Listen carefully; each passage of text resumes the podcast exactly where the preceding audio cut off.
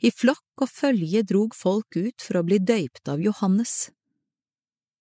Og han sa til deg, Ormeyngel, kven har lært deg korleis det skal slippe unna den vreiden som skal komme? Så bær da frukt som viser at det er omvende. Prøv ikke å seie til dykk sjølve, vi har Abraham til far. For jeg sier dykk, Gud kan vekkja opp born for Abraham av disse steinane. Øksa ligger alt inn med rota på trea.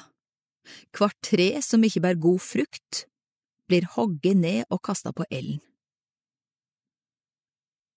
Hva skal vi da gjøre? spurte folket. Han svara. Den som har to kjortler, skal dele med den som ingen har, og den som har mat, skal gjøre det samme. Det kom òg nokre tollarar og ville bli døypte. De spurte, Meister, hva skal vi gjøre? Krev ikke inn mer enn det som er fastsett, svarer han. Og vi, hva skal vi gjøre? spurte nokre soldater.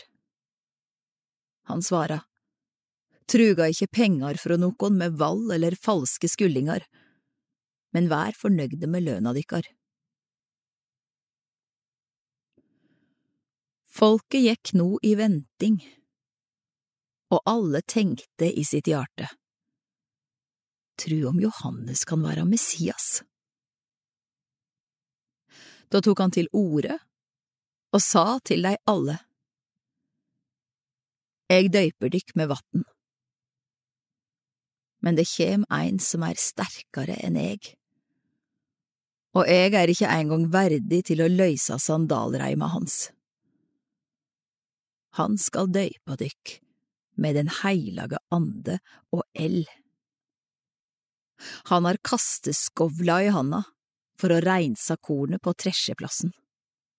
Kveiten skal han samla i låven sin, men agnene skal han brenna med eld som aldri sloknar.